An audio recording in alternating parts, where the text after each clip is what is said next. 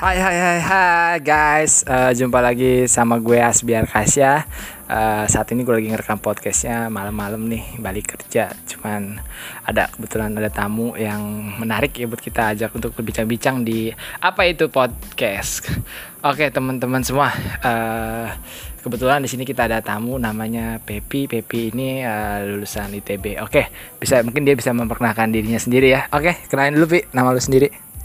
Halo guys, Eh, di sini eh, gue Pepi. Sebelumnya gue mau ralat dulu nih. Tadi Hasbi ngomong ITB ya, bukan IPB. Ya, gue lulusan dari IPB tahun 2019 kemarin, tapi mungkin eh, gue di sekolah vokasinya aja sih. Ya itu aja sih. Mau ngobrol apa sih Bi? Oke, oke.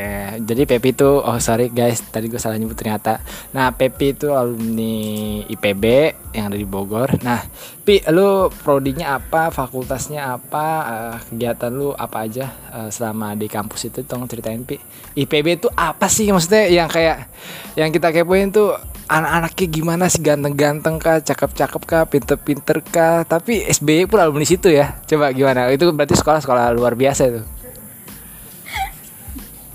Oke, nah jadi gini, gue sih lulusan D3 Sekolah Vokasi Institut Pertanian Bogor Yang di mana prodi gue itu Teknik dan Manaj- Manajemen Lingkungan Eh, Jurusannya gue diploma Oh, diploma. Eh, ya jadi langsung ke prodi kan kalau misalkan diplom- diploma Nah, eh, jadi gue tuh beda ini ya, beda sub kalau misalkan dari yang S1. Kalau misalkan S1 itu eh, ininya di- gedungnya itu ada di Dramaga IPB-nya. mana? Di mananya? Dramaga itu Dari dari sekolah lu tuh di mananya gitu? eh, kira-kira sekitar 5 kiloan ya. Lumayan jauh lah pokoknya jauh.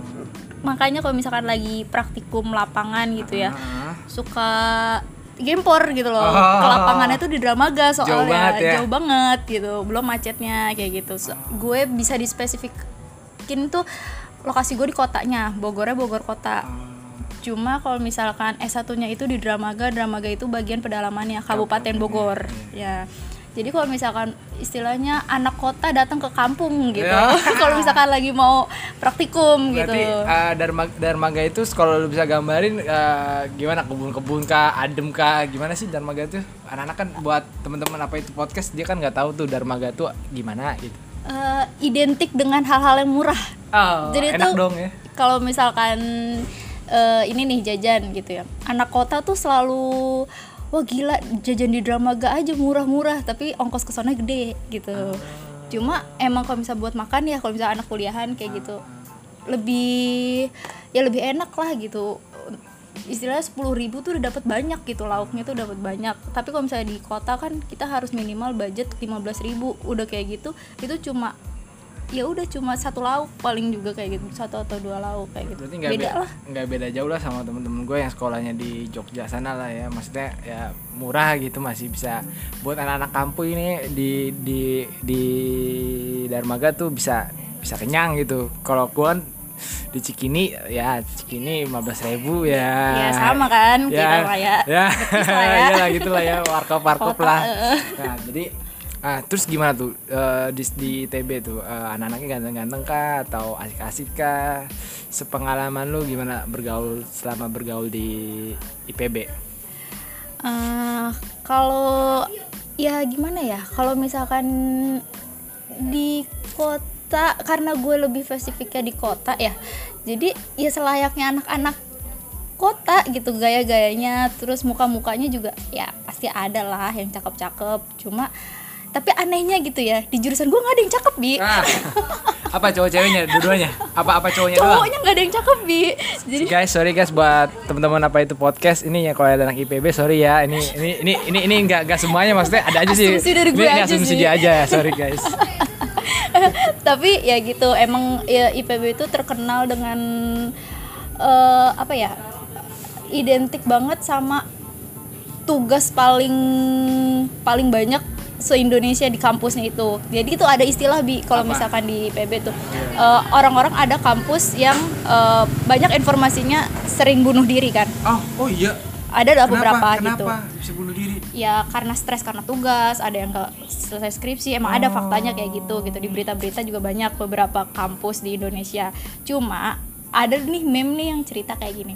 Eh, kalau misalkan lu nggak eh, cobain dulu kuliah di IPB eh, gak bakal ada waktu untuk lu bunuh diri. Karena udah saking banyaknya tugas. Ngerti gak sih lo Oh, iya, iya. karena waktu lo tuh nggak ada nggak sempet buat bunuh diri. Waktu lo tuh cuma buat ngerjain tapi tugas tapi kayak gitu. eh, yang gue takut tuh mereka tuh terinspirasi bunuh diri tuh terinspirasi dalam. Jadi kan ya namanya juga kebun gitu. Wah ini ada ada tali iseng ah nepelin ke leher gitu. Enggak enggak gitu kan? Enggak, Enggak, itu tuh enggak. segi imajinasinya enggak, gitu kan? enggak. Ter- lu terlalu imajinatif Ah, soalnya. oke. jadi jadi karena kebanyakan tugas sampai kayak begitu. Iya. oh, kacau juga ya.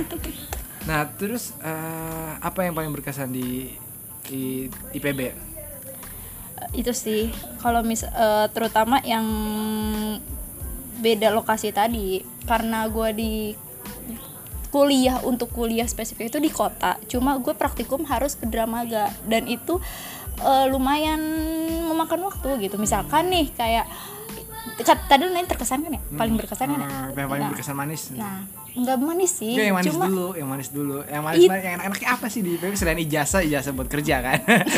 emang kenapa? kan iya dapat ijazah bisa kerja Iya, gitu, iya. enak lah. Ya enaknya kita lebih ini ya, lebih ter maksudnya kayak gimana ya, Bi? Eh kalau misalkan di vokasi sendiri ya. Jadi mereka memang disiapkan untuk emang pekerja. Iya. Jadi eh, kita tuh nggak kaget dengan kerasnya dunia kerja. Oke. Jadi bener-bener bocah lapangan gitu. Ah, jadi mau baik pakaiannya kayak gitu baik tugas-tugasnya udah di pure udah pure asli buat kerja Lapangan, semua kayak gitu iya. bener-bener kita di training sebagai anak lapangan kayak gitu jadi kita seakan-akan nggak kaget lah Jangan-jangan turun- dosennya praktisi semua ya? Iya emang praktisi semua. Jadi eh, dominan karena dominannya praktik, jadi bisa dibilang kita belajarnya itu 40% teori, 60%-nya praktek.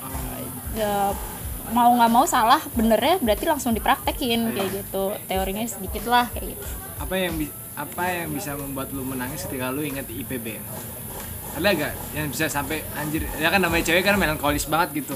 Dikit-dikit baper, sedih segala macem gitu. Apa yang kira-kira membuat lu seperti itu? Bisa ada gak? Tugas sih. Oh, asli, iya. asli gue pernah nangis tuh so- soal Gara-gara tugas. ya. Jadi tugas kan- apa? Siapa? Gimana? Coba coba. Jadi spesifiknya gini, gue tuh anak PP ya. PP itu apa? eh, oh, pulang pergi. Oh, kupu-kupu, kupu-kupu. Lu Iya. mahasiswa Gua kupu-kupu. Oh, Oke. rapat cuma numpang nama doang terus gue tuh PP dan maksudnya Depok Bogor kan lumayan ya jaraknya Iya. lumayan jaraknya nah di saat Lumayan tuh itu, berapa jam? ya, Biar, biar teman-teman tahu. Sekitar satu jaman lah ya. Ah, itu waktu normal Eh, jaraknya itu sekitar juga ya. 28 kiloan. Oh, nah jadi eh, saat itu gue udah ngerjain laporan. Udah bener-bener ngerjain dan sebenarnya ada tugas ada tugas buat buat ini apa namanya eh, ujian praktikum gitu. Iya. kuis lah istilahnya mah kalau anak kuis di lab gitu kalau nggak salah eh, mata kuliah mikrobiologi apa nggak salah? Oh, oh, mikro, oh belajar biologi juga, oh mantap tuh. gue dapet mikrobiologi. Terus udah kayak gitu. Kan itu kan bener dosennya di situ killer parah. Killer parah. Eh Astagfirullahaladzim. Maaf ya ibu dosen. Ya, Terus ya, ya- na- namanya kita rahasiakan aja ya guys kalau itu. Ibu- eh, killer. Nah terusannya laporan itu banyak gue udah ngerjain tapi ketinggalan bos. Ah, terus? Ud- udah nang eh, udah ngerjain sehari semalam udah sistemnya SKS gitu ya. Gue rumahnya apa jauh. SK itu sistem kebut semalam apa maksudnya gimana tuh? iya sistem kebut semalam semalam bos. Terus ya udah ternyata ketinggalan. Saya nggak boleh masuk kuis. Nangis di situ gue bi. Itu nangis gue bener-bener kayak nilai gue langsung nol auto. Auto, nol Nol tuh berarti eh oh, oh, oh, satu mata itunya. satu, satu itunya Tugas tuh itu, tugas ya? itu gue langsung nol. Kayak aduh ya allah gue nangis banget. Yang kedua itu waktu gue lagi UTS jadi tuh eh UTS apa UAS gitu. Gue eh, PP lah juga dan gue udah memprediksikan waktu lah ya biasa. Kalau uas gue 15 menit setengah jam sebelumnya pasti udah ada di sana. Nah jadi tuh di di vokasi PB itu sebelum masuk tuh harus ada screening lah istilahnya. Screening buat eh, UTS-nya itu ada KTM jadi kita di barcode gitu. Nah absennya lewat barcode. Nah gue nggak bawa KTM kan nggak logis kalau gue balik lagi pulang ke rumah. Terus gue balik ke ke kampus lagi gitu. Nggak cukup gitu waktunya. Sisa 15 menit. Ya udahlah gue nangis di situ. Ah, nilai gue juga terancam musnah. Karena cuma gara-gara PP dan nilai. Duh menangis banget gue gue ya sih kita udah usaha sema- se- sebaik mungkin. Ternyata emang emang gak ke Uber ya. Ya Pepi nah terus jadi eh, kira-kira nih eh, itu yang buat lu nangis sama kira-kira eh, kalau seandainya ini lu kerja nih kerja nih lu kan sekarang udah lulus kan ya? Ya udah udah udah lulus kan ya? Nah eh, buat motivasi teman-teman aja sih. Nah jadi gini eh teman gua nih ada yang kerja dia lulusan S1 kampusnya bagus segala macem. Tapi bayarannya bayaran bayaran rendah di bawah UMR misalkan. Nah menurut Pepi nih sebagai yang udah gajinya udah digit dua gitu. Nah itu eh, gimana tuh? Pasti kan Pepi juga nggak nggak langsung ujuk-ujuk digit dua dong gajinya. Eh, gimana cara cara memulainya? Misalkan karena kan baru lulus nih ketabahan-ketabahan apa yang mesti teman-teman lakuin nggak sebenarnya sih ya nggak benar juga nggak selalu langsung dua digit gitu ya. Btw ini Hasbi ngarangnya tuh. Ya kan udah gue tinggi-tinggi, udah lah, jawab aja lah. dua digitnya udah berapa digit? Ini berapa nih? Serem amat. Digitnya di belakang kayaknya.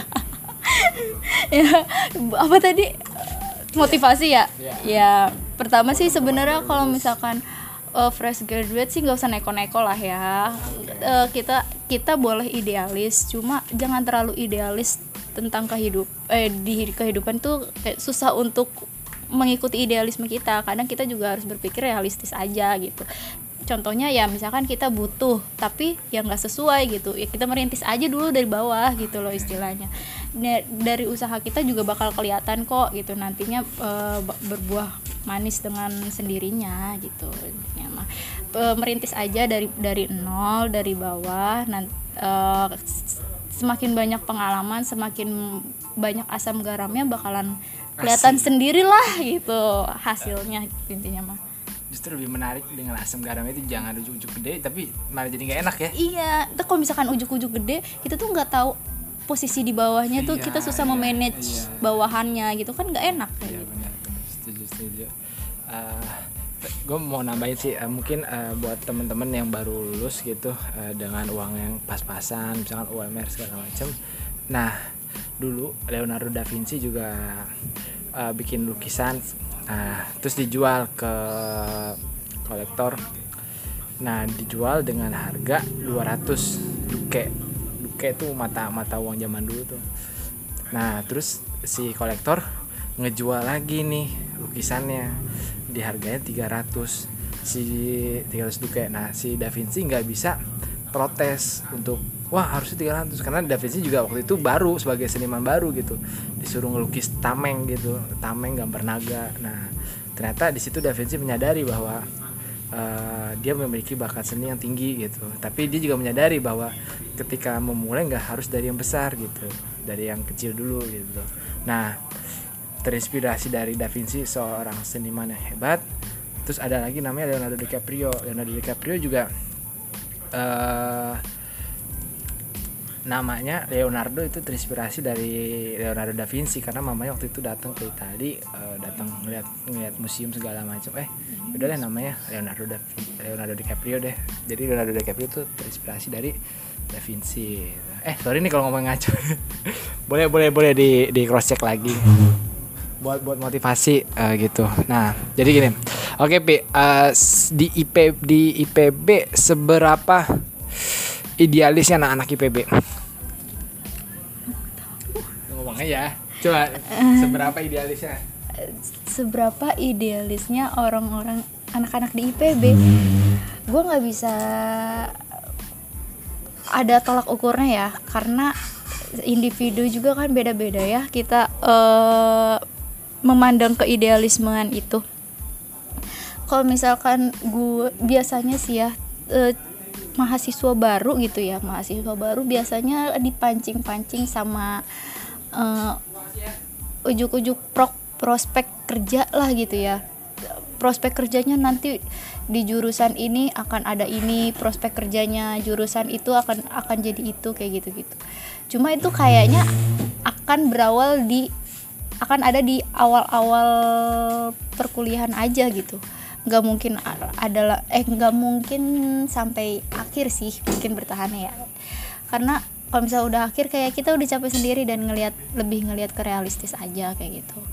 Tapi ada juga yang cukup idealisme yang mempertahankan gue harus kerja di bidang ini karena gue lulusan ini gengsi karena ini kan kayak gitu. Karena kekeh gitu ya cuma ya balik lagi ke individu masing-masing gitu sih kalau menurut gue Kira- Kira-kira nih buat temen-temen apa itu podcast nih? eh, menurut Pepi, kenapa sih teman-teman mesti kuliah di IPB? ya udah, kira-kira kenapa harus di IPB ya? Kenapa harus, kenapa nggak harus gitu? Kelebihan kekurangan biar lebih subjektif. Oh gitu. Eh, sekali lagi ini hanya subjektif ya. Udah, Jadi kalau harus harus sebenarnya nggak harus ya. Sebenarnya semua universitas itu menurut gue bagus. Semua perguruan tinggi itu bagus. Mau itu swasta maupun itu negeri kayak ya bagus semua gitu. Eh, tergantung dari individunya. Gimana dari indiv dari gimana kita ada di tengah-tengah label itu di tengah-tengah universitas itu misalkan kayak nama universitasnya itu bagus belum tentu lo bakal bagus di situ gitu belum tentu lo bakal bisa ngejar ngejar. Maksudnya kalau misalkan memang kemampuan kita nggak bakal bisa maksudnya gini eh, semua semua hal tuh tergantung kok dari kemampuan diri kita sendiri. Kalau misalkan memang kita mau menunjukkan kemampuan kita lebih di universitas yang bagus ya itu lebih baik gitu ya. Tapi kalau misalkan universitasnya dipandang orang-orang biasa aja gitu bahkan kan swasta rata-rata dinilai rendah ya. Ya padahal mah nggak semuanya gitu kan iya bahkan kan kalau misalnya dari masalah segi lain gitu misalnya fasilitas lah dari eh, ke pelayanan mungkin swasta bisa jadi lebih bagus gitu kita kan nggak tahu gitu ya di balik di balik universitas tersebut kayak gimana jadi ya tergantung individu masing-masing sih Nah, jadi eh, kenapa kenapa harusnya belum kejawab nih? Kira-kira apa sih yang yang bikin wah nih dede-dede kuliah di di IPB aja gitu? Kenapa gitu? Kenapa? kenapa dede Selain dede makanan yang murah-murah di sana. harus kuliah di IPB harus nih Bi, pertanyaannya Karena kan di sana ada S2, ada S3. Esteller gak ada Setelah juga ada. enggak Eh, kalau misalkan ngelihat track recordnya IPB sih ini kan diharuskan ya pertanyaannya sebenarnya nggak harus gitu ya kalau harusnya kalau ngelihat dari track record IPB eh, universitas eh, perguruan tinggi negeri ternama di Indonesia urutan sekian sekian yang gue tahu IPB tuh masuk tiga besar dalam urutan eh semenjak lima tahun terakhir apa kalau nggak salah tiga besar urutan terbaik. Terbaik apa? Ya? terba- terbaik se Indonesia cuma itu yang gue tahu gitu. Tiga tiga kalau nggak salah terakhir terakhir kemarin satu terbesar ya di, di Indonesia nah terusan ininya apa namanya kualitas terbagusnya gitu. Nah tapi balik lagi yang kita cari itu di bidang apa dulu gitu kan. Kalau misalkan oke pertanian ya ba- paling bagus di Indonesia ya IPB gitu kan. Walaupun UI juga ada sekarang Iya, ya? iya walaupun di yang tempat lain ada pertanian, cuma ya kualitas terbagusnya mungkin karena spesifiknya masih dipegang oleh IPB. Pertanian ya. Ah, cuma karena, nah ini dia nih yang gue mau tekankan ya ke teman-teman, Iya. lulusan IPB itu nggak selalu selalu paham akan pertanian Iya. gitu loh. Kadang gue sendiri gitu ya, ngerasa pas udah di lapangan udah kerja, pi mau nanya dong tanaman ini ngerti gak kayak gitu kayak gue bukan spesifiknya ke pertanian gitu karena semuanya nggak soal pertanian bos Oh ya, lu kan BTW sekarang juga sebagai banyak banyak pemegang CSR nih. Aktivis juga. Nah, apa relate sama sekolah lu, Pi? Relate. Nyambungin. relate oh eh, jadi sekarang ya gue megang di pertanggungjawaban masyarakat kalau misalkan orang bilang orang-orang perusahaan bagian CSR-nya lah ya eh, jadi kenapa di CS kenapa gue bergelut di CSR sebenarnya ada mata kuliah di lingkungan ini di teknik lingkungan itu yang mengarah ke CSR gitu jadi eh, sedikit banyaknya gue paham CSR tentang itu apa? CSR. CSR itu teman-teman mungkin ada yang tahu. corporate social responsibility Oh. itu tuh penanggung eh, pertanggungjawaban sebuah perusahaan terhadap lingkungan sekitar Siapa yang ngatur? Yang ngatur CSR itu sebenarnya perusahaan tersebut. Cuma Dituntut itu sama? dituntut sama Kementerian Lingkungan Hidup. Karena ada adanya tingkat adanya level apa ya kalau di lingkungan hidup tuh namanya eh, proper. Proper itu Proper proper itu ada eh, adalah tingkatan ke apa ya pertanggungjawaban peru- sebuah perusahaan terhadap lingkungan Oh. jadi ada timbal baliknya proper itu ya banyak lagi lah gitu ceritanya kan. Ada tingkatan tingkatannya si proper itu. Nah yang paling bagus yang paling bagus itu yang harus udah memiliki CSR yang konsisten. Gitu. Tapi ada gak perusahaan-perusahaan yang yang nggak nggak nggak ngikutin sistem CSR itu? Maksudnya kayak bertanggung jawab sama lingkungan. banyak. Banyak. Hmm, jadi eh, di pro Banyak ya. Berarti itu buat perusahaan-perusahaan besar tuh harus kita dobrak aja lagi itu guys, kita lawan. ya. Apa? Gimana? Banyaknya gimana? oh iya. Sebenarnya di eh, di proper itu aduh. Di pro di proper ada insiden guys. Maaf. Bisa bisa sambil, sambil makan sambil segala macem. Podcast ya. Lanjut. apaan tadi? Iya ngebuat podcast sambil makan sambil segala tadi macem. apaan? Nanya apaan? Gue lupa Iya, eh, banyak perusahaan yang nggak ikutin Oh. CSR. Yuk lanjut. Iya, eh, kenapa nggak banyak Segala nanya lagi. Mas. perusahaan yang. Mas. Ini buat podcast ini nggak serius banget anjing. gue bingung. Oh iya, jadi proper itu tuh ada lima tingkatan. Kalau di KLHK ada warna hitam, itu yang paling jelek. Oh. Ada warna merah, dia tidak penaat peraturan sama sekali. I- Kalau terus abis merah itu biru, biru itu dia hanya pengelolaan eh, internalnya aja, dia masih fokus ke internal. Kalau misalkan da yang ke- keempat itu ada hijau, hijau itu dia udah ada pertanggungjawaban ke masyarakat. Contohnya CSR. Nah, kalau yang terakhir itu ada warna emas. Apa? Emas itu dia udah konsisten dan tiga kali berturut-turut mendapatkan warna hijau. Jadi dia eh, segalanya internal sama eksternalnya untuk penanggung-jawaban masyarakatnya udah ada. Kalau biru dia belum ada penanggung-jawaban terhadap masyarakat. Jadi dia masih ngurus kayak pembuangan limbahnya lah, terus pokoknya masalah internalnya kayak gitu. Kayaknya. Udah eh, lu kan berarti udah terjun ke masyarakat, udah ketemu segala macam. Nah, eh, kegiatan apa pi yang lu, lu lakukan waktu CSR itu? Se- Boleh lah di- dibagikan lah ke teman-teman biar ya sedikit kurangnya menginspirasi atau memberikan wawasan baru gitu. gue di sini lebih ke pengabdian masyarakat masalah pengelolaan sampah ya. Karena di eh, lingkungan itu luas sebenarnya. Bisa di, di bidang apaan aja. Bisa di bidang pembuangannya bisa di bidang perusahaannya bisa di bidang sosialnya semuanya gitu. Nah gue terjun di bidang sosial gitu. Di bidang sosial yang di, diiris diiris oleh eh, tentang pengelolaan sampah. Jadi selaras lah sama lingkungan gua tentang lingkungan kayak gitu. Sampah Sam, le- lim- jadi jadi kan di sini gue megang limbah rumah tangga ya spesifiknya. Da- dari dari rumah kita usahakan untuk tidak dibuang ke tempat pembuangan akhir gitu Man- manajemennya gue atur kayak gitu gitu deh pokoknya Oh gitu. Ya udah. eh, seberapa nih? Gue gue suka nggak nggak sepaham sih sama teman-teman yang yang ada di luar sana. Maksudnya kayak eh, ngomongin bencana lingkungan ya. Itu kan bencana lingkungan kan biasanya kan eh, di- disebabkan oleh bisa faktor perusahaan, faktor manusia lah intinya. Nah sebenarnya eh, lingkungan itu bukan ngasih bencana. Lingkungan itu hanya penyeimbangan doang, Nah. keselarasan. Jadi ketika kita merusak ya misalnya hutan kita gundulin ya penyeimbangannya alam pasti banjir segala macam. Dia hanya menyeimbangkan itu semua gitu. Bukan berarti ngasih bencana. Jadi sebenarnya itu lebih ke sabda alam. Itu. Iya gue jadi sebenarnya mesti kita revisi juga tuh kalimat itu. Dan gue sepaham sih sama seorang filsuf gue anggaplah Sujiwo Tejo ya yang berbilang seperti itu juga.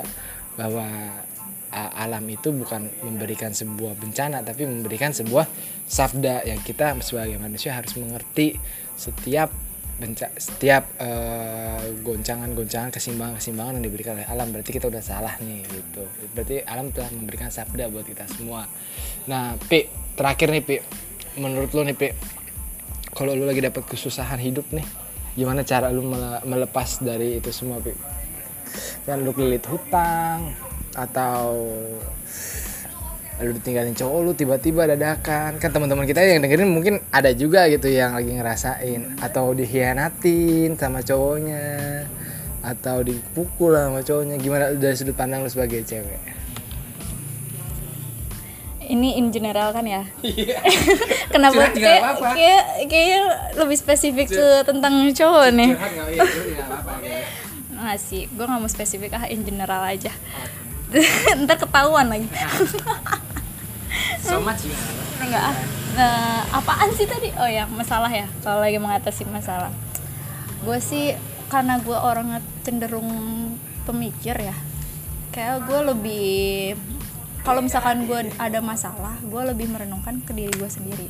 Kenapa masalah itu bisa terjadi? Gue nggak gue orangnya nggak bak kalau gue sendiri gue nggak akan eh, menyalahkan orang lain duluan. Jadi gue ngelihat ngoreksi ke diri gue kenapa masalah ini terjadi gitu. Apa yang salah sama diri gue sendiri kayak gitu. Kalau misalkan memang udah ada titik salahnya di gue ya mungkin gue akan menyalahkan diri gue sendiri saat itu. Dalam beberapa waktu gue akan menyalahkan oh iya gue salah. Gue eh, di titik ini gue lagi ada masalah karena kesalahan gue A. Ya udah gue gue terima. Gue gue akan ngerti diri gue maunya bagaimana. Misalkan gue nangis gitu ya gue akan nangis saat itu gue akan ngelampiasin masalah gue mungkin lewat air mata ya udah sih lah gue akan melampiaskan itu gitu. Cuma setelah itu gue punya ber- eh, punya pendirian kalau misalkan masalah yang nggak akan selalu jadi masalah gitu. Masalah pasti ada jalan keluarnya gitu. Jadi mau nggak mau eh, bisa nggak bisa ya gue harus bisa dan gue harus mau untuk keluar dari masalah itu gitu. Un- jadi intinya gue harus nenangin pikiran gue dulu nenangin nenangin otak gue dulu dengan ya pokoknya gimana caranya gue harus tenang setelah itu baru gue obrolin baik-baik gue berdamai sama diri gue kalau memang gue ada masalah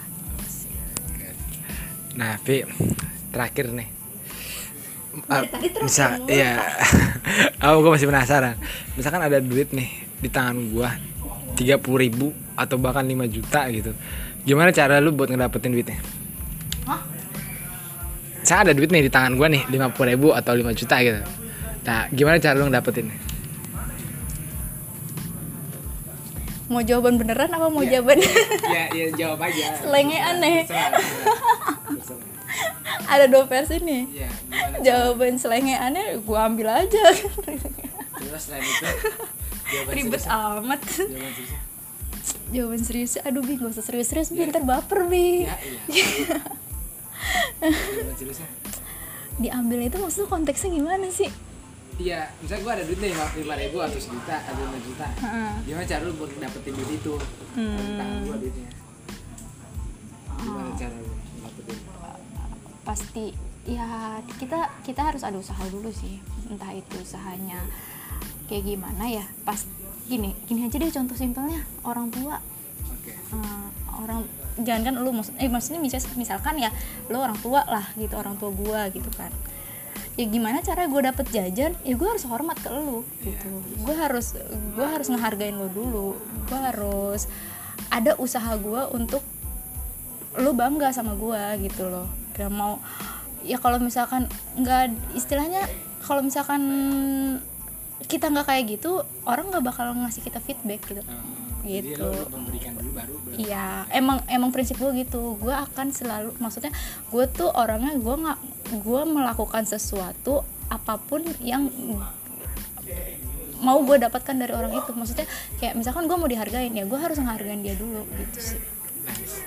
Oke, baby, thank you. Uh, oh, bagus bagus bagus. Jadi kalau kalau utama dari gue ya kalau kita emang ada duit nih 5 juta atau berapapun totalnya di depan mata ya kita gampang. Bener yang di PP bilang tadi jawabannya sambil bercanda tapi itu justru bener menurut gue ya ambil aja gitu. Begitu juga dengan kita kehidupan kita. Sebenarnya di depan mata kita ini banyak banget peluang-peluang guys. Kita ngelihat motor wah itu duit peluang investasi. Kita bisa jadi gojek segala macam itu motor kita bisa kita sewain.